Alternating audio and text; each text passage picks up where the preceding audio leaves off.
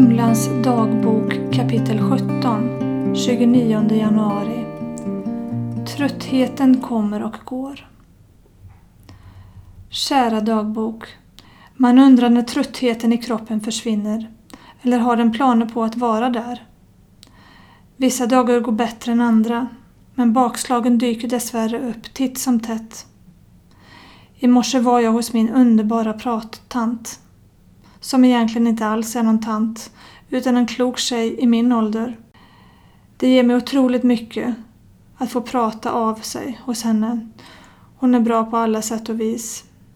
Jobbigt nog är mina dagar nu förbrukade som jag fått via jobbets företagsförsäkring och detta var mitt sista besök.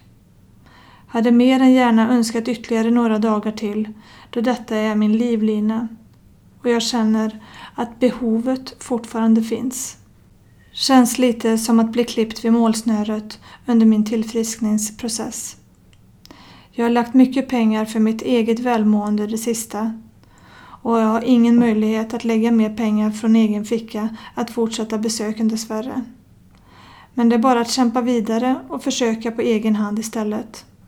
Det är skönt att man har fina vänner som stöttar mig i vått och torrt och att Humlepappan har fått en annan förståelse för när vissa dagar är mindre bra och hur han ska tackla olika situationer som uppstår.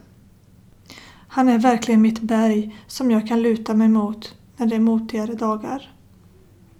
Denna dagen blev en svår dag. Denna dagen blev en sån där dag som energin tog slut. En gråtdag, vilket man har ibland som man inte alltid kan sätta fingret på varför det blir så egentligen. Man är fortfarande svag, ibland helt enkelt.